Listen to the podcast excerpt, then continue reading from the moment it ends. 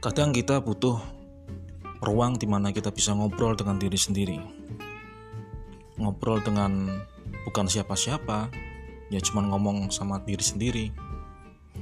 Ngobrol di mana nggak ada orang lain yang bisa menyanggah pendapat kita, tetapi kita sendirilah yang bisa menyanggah pendapat kita, bukan orang lain. Inilah ruang diri.